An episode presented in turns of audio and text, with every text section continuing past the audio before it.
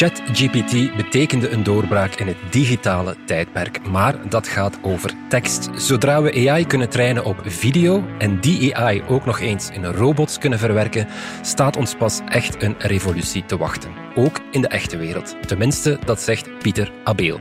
Voorts hebben we het over waarom pipi geel is, wat we moeten onthouden van de technologiebeurs in Las Vegas en waarom het glas van de toekomst hout is. Transparant hout, jawel. Het is vrijdag 19 januari en van de Standaard is dit Bits en Atoom.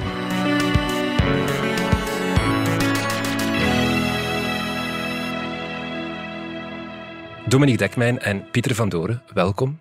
We hebben nog even overwogen om de intro van vorige week te behouden, maar we wilden jullie dat niet aandoen. Zit het liedje nog in jullie hoofd? Jawel, ja, mijn eigen naam komt erin voor. Uh, voor wie niet weet waarover we het hebben, kan ik zeker aanraden om die aflevering nog eens te beluisteren. Want het ging toen over AI en muziek. En Dominique, we hebben het hier al vaak gehad over wat AI in tekst kan. Maar als AI ook nog eens video kan genereren, dan zullen we uh, pas wat meemaken. Ja, precies. Uh, en dan zijn we weer reclame voor onszelf aan het maken. Soms zijn we toch wel een beetje. Uh, want dit ging over een interview dat we gedaan hadden met, uh, met Pieter Abeel. Dat is eigenlijk de Belgische mm. denker in Silicon Valley. Hè. hij zit eigenlijk aan de Universiteit van Berkeley. Dat is strikt genomen niet echt Silicon ja, Valley. het is wel Californië nog. Hè. Maar dat is wel daar de man die zit in het hart waar al die AI aan het gebeuren is. En hij is, ja, zijn specialisatie is robotica. Mm. En dus als ik hem dan vraag van wat is nu het volgende dat met AI gaat gebeuren, dan kan je verwachten dat hij zegt van ja, nu zijn de robots aan de beurt. En dat zegt hij ook. Mm -hmm. maar het was toch wel een heel interessant verhaal dat hij vertelde. En ik dacht dat dat moeten we toch ook wel aan de bits en atomen luisteraars eens vertellen. Dus één ding dat hij vertelt is ja, dus we hebben die taalmodellen gezien. En we noemen ze nog altijd taalmodellen, omdat ze gevoed worden door hoofdzakelijk taal. Mm -hmm. En hij, hij, legde dan uit, ja, dat is zo'n, uh, in totaal alle bruikbare tekst op het internet zit daar ongeveer in. En dat is zo'n 10 terabyte aan tekst. Veel. Uh, maar uh, wat er niet in zit, is video of heel weinig. En ja, Google en OpenAI experimenteren wel met een beetje video. Maar wat Pieter Abeel zegt is van nee, we moeten massaal video eraan toevoegen. En dan, zegt hij, dan gaan die AI-systemen zoveel slimmer worden. Dus al die domme fouten die die taalmodellen nog maken, hebben volgens hem eigenlijk in wezen te maken met het feit dat dat ding niet echt goed weet uh, wat er in het echt tegenover staat. Dus hij praat maar wat. Mm. Hij, hij papagaait een beetje wat hij dan in teksten gelezen heeft, maar weet niet echt hoe de wereld in elkaar zit. Laat hem dan video verwerken. En hij zegt, nee, je moet nog eens al verder gaan dan dat. Zoals dat die taalmodellen eigenlijk heel veel tekst gelezen hebben mm. en leren het volgende woord in een tekst te voorspellen. Hij zegt van, je moet die AI-modellen dwingen om de volgende frame, het volgende beeld in een ja. video en zelfs de volgende vijf of tien seconden in een video mm, te moet voorspellen. gigantisch wat rekenkracht En vragen. Als je dat kunt, en als je dat kunt, zegt hij, dan heb je eigenlijk de fysieke wereld helemaal in je greep. En dan begrijp je eigenlijk hoe de wereld echt werkt, dan doen die taalmodellen niet. En daar is inderdaad, Pieter, maar een echt probleem mee, want die bestanden zijn al zoveel groter dan gewoon tekst. Uh, en, maar je hebt om ze te verwerken ook nog eens uh, veel meer rekenkracht nodig. En zegt Pieter Abeel, hoeveel meer? Hij, wel, hij zegt duizend keer krachtigere computers. En toch zegt Pieter Abeel, als we aan de huidige snelheid blijven versnellen, dan over een jaar of tien lukt dat wel. En hij zegt, als we eenmaal grote hoeveelheden video aan die taalmodellen toevoegen, zegt hij, dan gaan ze plots die domme fouten niet meer maken. Ja, want in het interview gaf hij een eenvoudig, maar wel een treffend voorbeeld ja, ja, ja, hè, van wat een taalmodel nog dat, niet goed kan. Ja, dat is een heel bekend voorbeeld. Hè. En, en de, ik, ik geloof dat alle taalmodellen nog altijd die fout maken. Dus als je vraagt aan een taalmodel, ik heb vijf hemden gedroogd in de zon en dat duurde twee uur. Hoe lang duurt het dan om tien hemden te drogen. Vier en uur. Die taalmodellen gaan allemaal zeggen vier uur. En dat heeft ermee te maken dat ze niet echt weten in hun hoofd van ja, waar zitten die hemden dan? En je, het idee dat je ze tegelijk zou kunnen drogen, ja, komt, niet komt niet in ja. ze op. Ja, één zegt, vrouw kan een kind dragen in negen maanden en twee vrouwen kunnen dat in vier en een halve maand. Wel, die dat, dat, dat soort redeneringen. Maar, maar, daar ga je ze niet op hebben, want die AI-modellen leren alleen uit tekst. Mm -hmm. Als het ergens natuurlijk opgeschreven staat, en dus dit specifieke probleem ook van, dat van die, van die hoe lang duurt een zwangerschap, maar ook uh, hoe zit het met dat drogen van kleren in de was. Als, als je dat specifieke probleem in tekst uitlegt, en dat zit in het trainingsmateriaal van het volgende model, dan zal uh, GPT-5 of GPT-6 natuurlijk daar niet meer in trappen. Maar dat wil nog altijd niet zeggen dat die echt zich de hele wereld kan Nou, voorstellen. het gaat Pieter Abel zegt, en dat is super interessant, dus op het moment dat ze dat wel kunnen, dat ze de, die video kunnen Mhm. voorspellen, een volgende frame video, kun je niet alleen fantastische video's maken, hè, want je, hebt dan, eh, je moet dan geen camera meer hebben, dan kan je echt levensechte video genereren, hè, wat nu niet kan. De gegenereerde video ziet er echt belabberd uit. Eh, maar hij zegt, eh, dus ook dan ontsluit je de hele fysieke wereld eigenlijk voor automatisering. En hij ziet dan een sprong naar waar nu eigenlijk we alleen maar praten met die, Mhm. met die chatbots. Hij ziet dan AI in robotvorm. De huidige robots, ja, die kun je eh, wel in een, in, in een autofabriek inzetten, waar dat precies datzelfde schroefje aan Mhm. precies datzelfde wiel moeten schroeven. Dat lukt wel. Maar als dat schroefje ook Ja. maar een centimetertje meer naar links of naar rechts moet, of dat wiel staat niet helemaal juist, dan lukt het al niet meer. En daar proberen we nu voorbij te geraken. En dat is eigenlijk het vakgebied van, van die Pieter Abel. Hè. Hoe leer je Mhm. robots om iets te doen? En hij, hij probeert, hij, hij zegt, we, we, we- zijn nu al, al heel wat beter erin. Hè. Hij levert nu AI-software om robots in een magazijn te laten spullen op de juiste plaats zetten. En als die robot een blik groenten op de Mhm. juiste plaats kan zetten, dan lukt dat ook met eh, een pak hemdjes of een generieke doos of zo. Dus dat lukt al wel. Maar eigenlijk hebben ze die video nodig eh, om die robots de finesses te leren. Ze moeten ook naar video kunnen kijken. Mhm. En dus hij denkt, ja, dus, die, dus terwijl dat de taalmodellen video nodig hebben om eigenlijk gewoon beter te worden, het inbouwen van die taalmodellen en de verbeterde versie daarvan met video in die robots zal zorgen dat we in de robots eigenlijk dezelfde revolutie zien die we nu met AI in de digitale wereld zien. Maar dan spreken we wel nog altijd over robots, vooral in bedrijven, magazijnen, industriële robots. Wel, hij, ziet nu die, die, hij ziet dat stapje voor stapje. Hè? Dus de eerste keer dat ik met Pieter Abel gesproken had, dat waren we in 2015, was die man nog volop bezig met inderdaad robots te leren, eh, eh, dekseltjes van potjes te schroeven en dat soort dingen was hij mee bezig. En ondertussen is hij met zijn robotbedrijf, want dat heeft hij ook naast eh, dat hij dan een lab heeft aan de Universiteit van Berkeley, heeft hij ook een, een opstartbedrijf, dat heet Covariant. En daar zijn ze nu echt eerder bezig met industriële toepassingen van robots, maar dan industrie niet, dus die, die autofabriek waar altijd alles op dezelfde plaats staat, maar bijvoorbeeld in een magazijn. En hij zegt ook, we gaan de volgende stap is dat we robots gaan hebben die bijvoorbeeld in de recyclage werken, hè, waar je iets moet demonteren en dingetjes op een stapeltje gooien. Ja, eens dat de principiële stap gezet is, de stap naar een huishoudrobot niet meer zo ver natuurlijk. Hè. Dan eh, is het Wel. gewoon doorontwikkelen.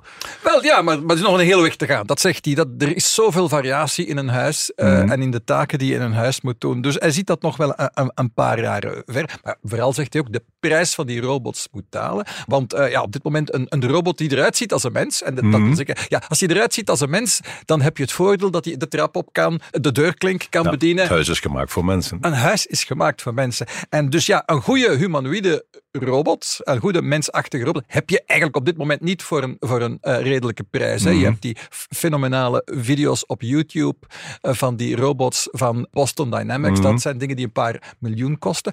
Maar daar is, eh, ja, er is heel veel aan het bewegen. hè. En met name Elon Musk is daar aan het bewegen. Want die probeert een, een humanoïde robot van ja, 20.000 eh, dollar, heeft hij gezegd, te maken. De Optimus robot. Je zag deze week, ik weet niet of iemand dat gezien heeft op X, of oftewel vroeger Twitter, eh, een, een, een videootje heeft, heeft Elon Musk net gepost van een Optimus robot die een hemdje vouwt. Mhm. En dan, ja, dan, dat ziet er heel stuntelig uit. Het duurt ongeveer een minuut om dat hemdje te vouwen. Eh, maar dat is verschrikkelijk moeilijk, hè. dat weet iedereen. Mhm. Nu heeft hij ondertussen moeten toegeven van, ja, ja, dat, het eigenlijk een beetje, een beetje getricheerd was. Mhm. Want eigenlijk was de robot niet helemaal autonoom, zegt hij. Dus ik weet niet wat hij bedoelt, dat, dat, dat een mens dat was aan het aansturen. Maar hij zegt dat in de toekomst die Optimus echt, die robot echt in staat zal zijn, heus waar, om een hemdje te vouwen. En dat klinkt voor ons redelijk belachelijk, eh, maar onder robotspecialisten geldt Mhm. dat als een onvoorstelbaar strafkunstje. En dus ja, dat zit er allemaal aan te komen. Elon Musk zit er met veel geld achter. En, en, en dat zei Pieter Abel ook. Ja, dat zou kunnen tenminste de prijs van die robots Mhm. al flink naar beneden halen. Eh, ook wat betreft de software, hè, want die, die prijs van die, dat, dat gaat dan over de, de hardware van de robot. De software ervan vindt hij dat hij zelf best wel goed bezig is. En eh, gelooft hij niet dat zomaar Elon Musk alles eh, naar zich toe zal trekken. Maar dus ja, hij, gelo- hij gelooft dat we eigenlijk door het gebruik van die nieuwe generatieve AI-systemen in de robots, dat we daar wel degelijk de stappen gaan zetten, die ons uiteindelijk wel eh, bij die robot in huis gaan brengen. Als de prijs laag genoeg is en als ze inderdaad nog veel beter kunnen veralgemenen. Maar dat betekent eigenlijk maar getraind worden op nog veel, veel, veel, veel meer data. Dus ja, het, het, het wordt in ieder geval uh, heel bewogen tijden. De, de, wereld, en de wereld gaat er dan ja, over 10, 20 jaar heel anders uitzien. Dat begin dan te voelen. Zeker als uh, mensen als Pieter Abeel dan gelijk hebben en dat het inderdaad altijd maar verder blijft gaan, de, deze AI-revolutie. Wat we niet zeker weten. Hè, tot hier, het ziet er naar uit dat, men altijd, dat het altijd maar beter, altijd maar, uh, maar verder gaat. Mhm. Maar misschien botsen ze toch ergens nog op een hindernis en dan duurt het allemaal nog wat langer. Zullen we zien. Een revolutie. Het is een paar keer gevallen. Voor wie jouw interview met Pieter Abeel wil herlezen, die kan terecht op www.standaard.be slash zieners.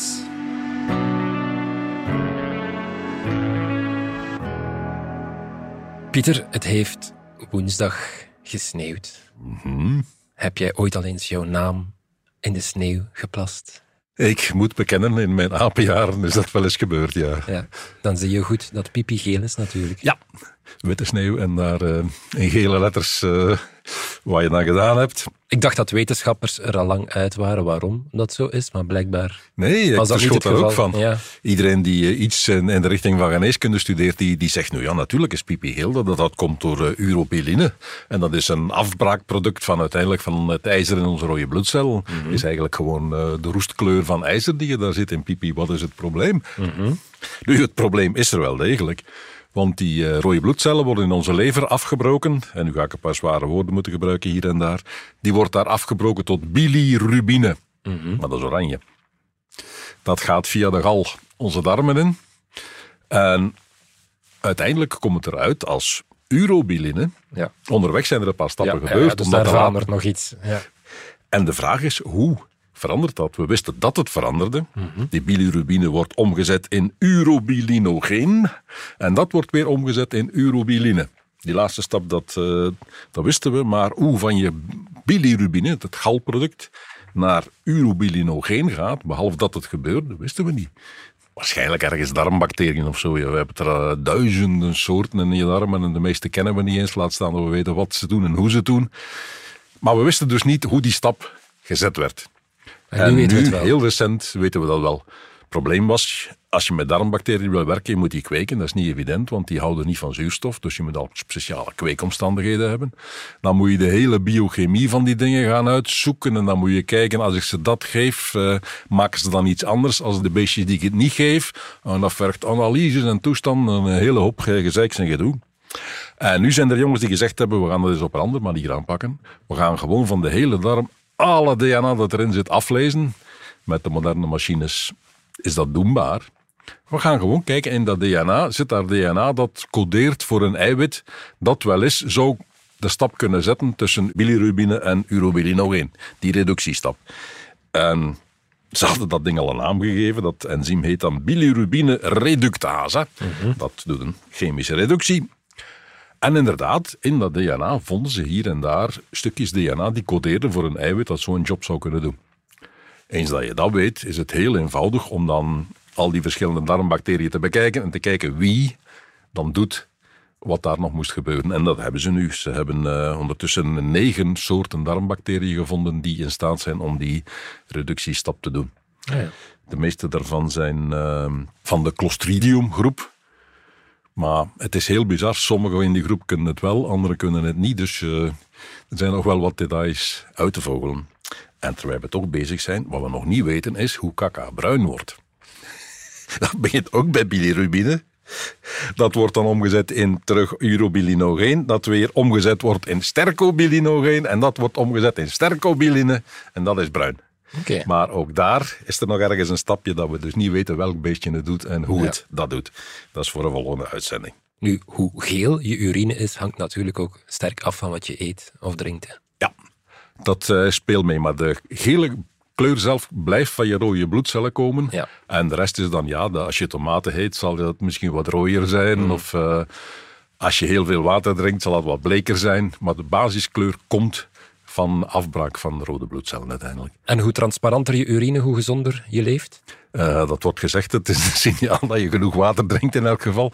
Nu, eh pis kijken, eh, zoals het dan in Ja. het oud-Nederlands heet, is een onderdeel van de geneeskunde dat zeer oud is. Hippocrates, de man van de eed van Hippocrates, die was al heel erg bezig met urine en wat je daar kon uit afleiden. Ja.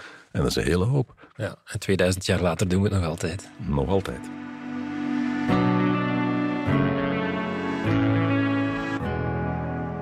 Dominique, de technologiebeurs in Las Vegas zit er weer op en jij hebt de belangrijkste pers-events uh, gevolgd. Je kan dat allang online doen natuurlijk. Een van de dingen die daar zijn voorgesteld is uh, de Copilot-knop op een uh, laptop. Een fysieke knop waarmee je rechtstreeks eigenlijk in de chatbot van Microsoft terecht kan. We hebben het daar trouwens ook nog over in uh, DS vandaag, over uh, de titanenstrijd tussen Apple en Microsoft op de beurs. Dus ik kan, wie daarin geïnteresseerd is, doorverwijzen naar, naar die podcast. Maar Dominique, je hebt nog heel wat ander lekkers gezien. Ja, dus het apparaat dat er helemaal tussenuit stak eigenlijk. Er is altijd zo eentje. Mhm. En dat doet je dan altijd weer denken, ik wou dat ik erbij was geweest. hè, want er is toch weer iets gebeurd. En ja, dat is een onooglijk klein uh, oranje apparaatje. En dat heet de Rabbit R1.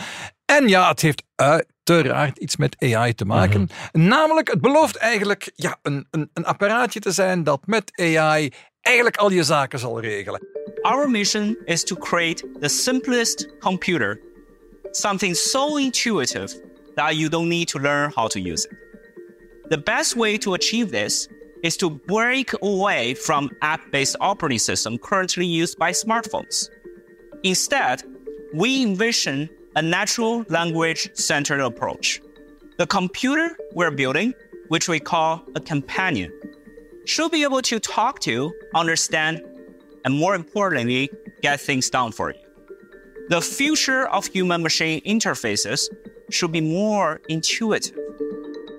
We hebben het hier enkele maanden geleden gehad over die AI-pin Mhm. van ehm, Humane, heet dat bedrijf. En dat is dan ja, een, een, een, een blokje dat je aan je hemd hangt. En waar dat je tegen praat en die dan terugpraat en dan allerlei AI-dingen voor je doet. Wel, dit is hetzelfde idee, maar veel goedkoper. Dat, dat Rabbit-apparaatje, ze hadden er blijkbaar 10.000 en die zijn op één dag uitverkocht. Mhm. En de volgende dag hebben ze er nog eens 10.000 verkocht. Dus het is, dat zijn natuurlijk hele kleine aantallen. 200 Maar er is een dollar, dacht ik. ja, hè? ja. die prijs. Hè? Dus 200 dollar. En je kan ze, ik geloof, eh, dat- in Frankrijk of zo al bestellen. In België nog niet. Maar ja, als, als het in Frankrijk kan, lukt het hier ook wel. Dus je zou ze meteen in principe kunnen bestellen. Dat is, ja, dat is heel interessant. Dat, 200 euro durf ik daar nog eens een keer op, eh, op uitproberen. En wat krijg je dan terug eigenlijk? ja, wat krijg je dan eigenlijk terug? Het is eigenlijk half zo groot als je smartphone. Dus letterlijk de helft van een smartphone. En het doet eigenlijk een aantal van dezelfde dingen als een smartphone. Waardoor sommige mensen dan zeggen: ja, waar heb je dan een apart apparaat voor nodig? Maar het werkt op een andere manier. Hè. Er is een knopje, je drukt op het knopje en dan begint hij te luisteren. Dus dat is dan weer het slimme. Het zit niet heel de tijd mee te luisteren, Ja. hè. Eh, zoals bijvoorbeeld een slimme luidspreker. Maar in wezen werkt het een beetje zoals die slimme luidsprekers die vier, vijf jaar geleden plotseling heel populair Siri, werden. Alexa. Dus de, de, de slimme luidsprekers effectief, zoals de, dus de Echo, waar dan Mhm. die Alexa eh, of, of, de, of de Google, eh, die heten nu de Nest eh, speakers. Hè.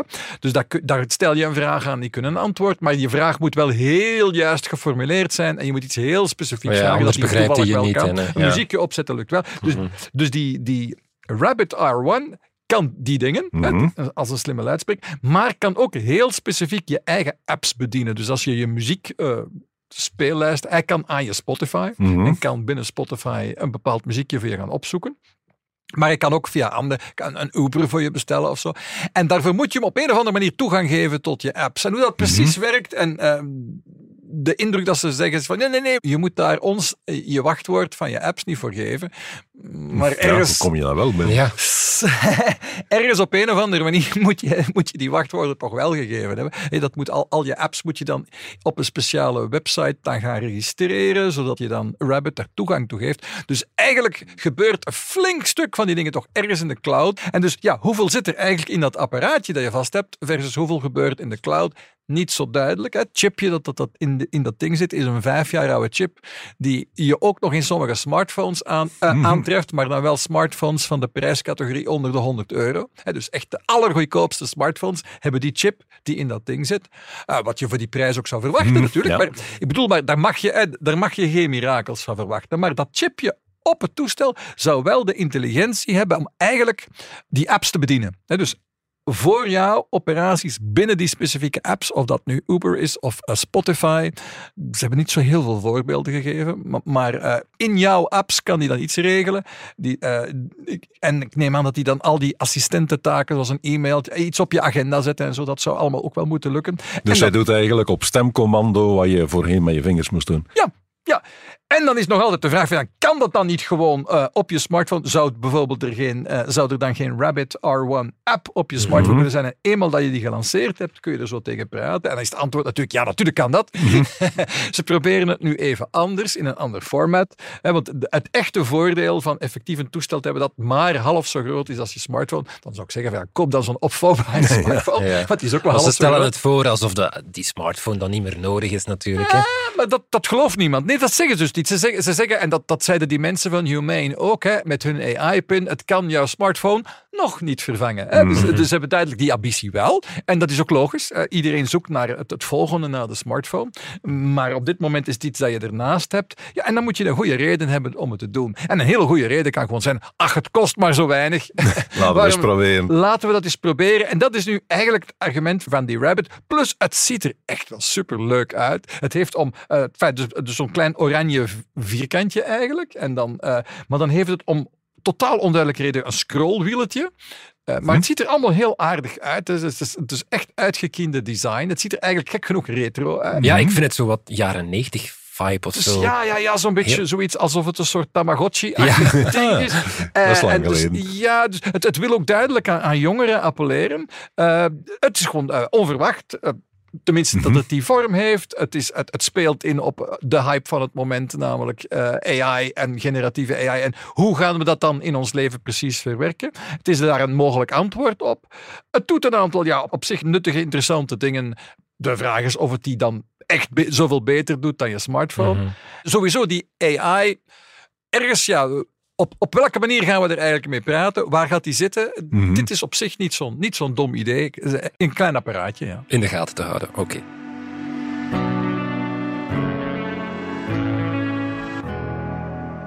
Pieter, binnenkort vervangen we het glas in onze ramen misschien wel door hout. Ja. Doorkijkhout. Inderdaad, uh, doorzichtig hout. Het begint te komen, we zijn nog niet zo ver. Er is, voor zover ik uh, kan achterhalen heb, één bedrijfje in uh, Frankrijk dat het effectief levert. Mm -hmm. En die leveren het aan de auto-industrie vooral.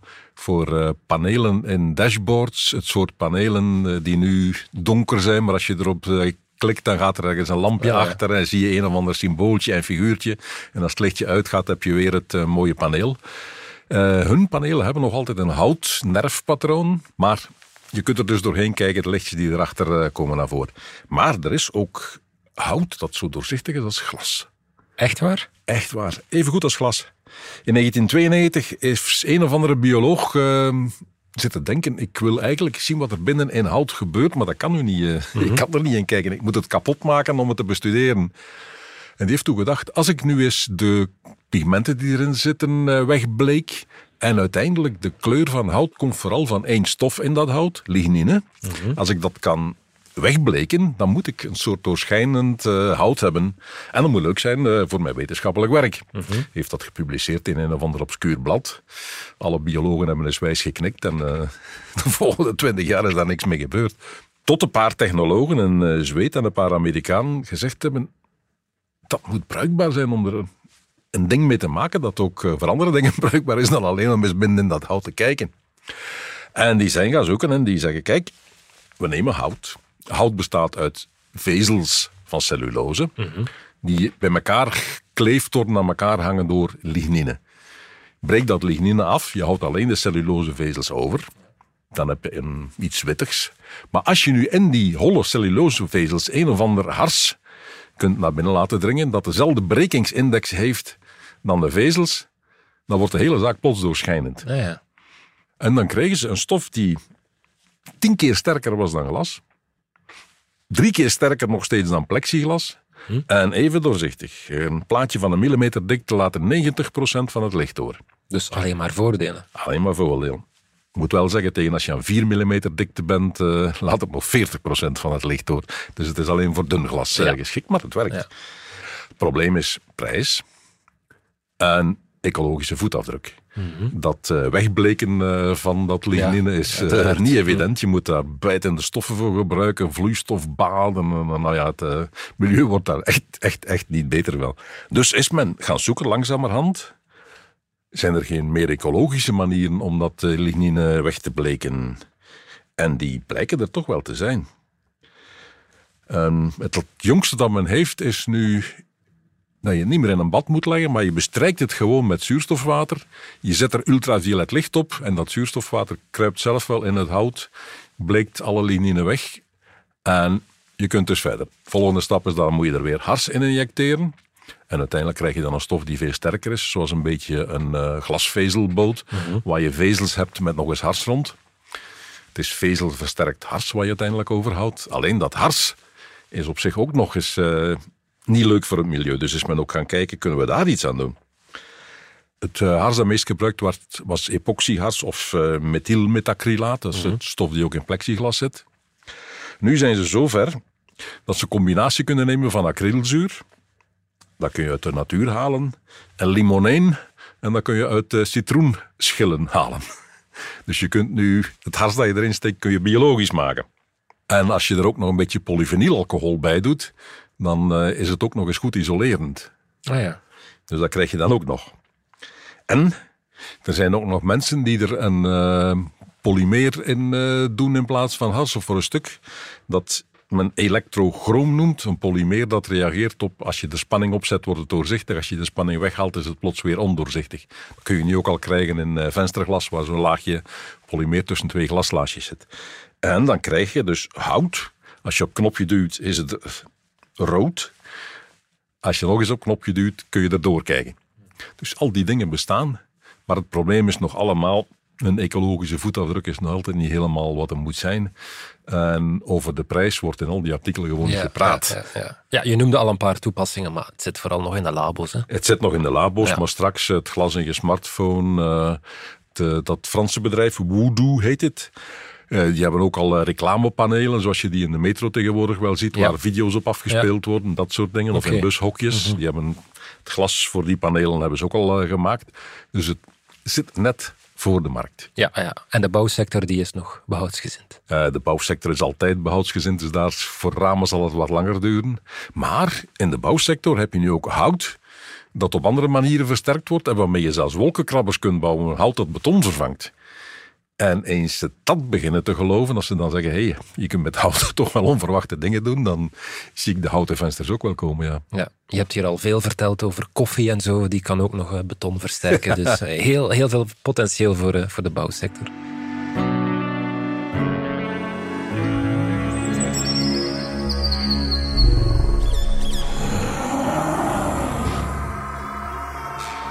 Pieter, het beest van de week is een uh, kever, als ik het goed voor heb. En een hele bekende, want Guido Gezelle heeft er nog over geschreven. En Wil Ferdi maakte er dit nummer over. En het krinkelende, winkelende waterding met zwarte kapoteken aan. Het stelde en rechte zijn oorkes flink en bleef daar een staan. Wij schrijven zo... Inderdaad, het schrijverke de snelste waterloper eh, die we kennen. Uh, haalt 100 lengtes per seconde. Het schrijverke is de titel van het nummer, maar ook... Zo heet de naam van het beestje. ja, het beestje heet zelf ook uh, een schrijverke, toch in het Nederlands. Hij haalt een meter per seconde voor een beestje dat nog geen centimeter groot is. En dat binnen een seconde zoefjes die een meter verder over de water zijn. Toch mhm. wel serieuze snelheden. En men heeft altijd gedacht, hij doet dat zoals een roeiboot of zoals een schaatser. Hij zet zich gewoon af tegen het water, hij duwt met zijn voeten tegen het water en zelf gaat hij daardoor vooruit. Ja. Tot een van die wetenschappers zei, hé, hey, maar wacht even. Hij gaat sneller vooruit dan zijn pootjes achteruit gaan. Dat kan niet. Mhm. Als je je afzet, kun je zelf nooit sneller eh, naar voren gaan dan je voeten naar achter gaan. En dan hebben ze een techniek ontwikkeld om uh, onder water met ultrasnelle film te bekijken wat die pootjes eigenlijk doen. En dan zie je dat die inderdaad niet schaatst of niet roeit. is niet zich afduwen tegen het water. Die pootjes gaan naar onder en gaan doen onder water hun werk. Ah, ja. En wat er gebeurt is, je moet je eigenlijk een eh, scheepsschroef voorstellen. Als je zo'n schroef ziet, die is zelf, dat blad is gedraaid, dat is mm getordeerd. En die schroef maakt cirkels. En daardoor duwt het de Ja. boot vooruit. Wat dit eh, beestje doet, is met zijn eh, poot, hij zet die in dezelfde stand als zo'n scheepsschroef.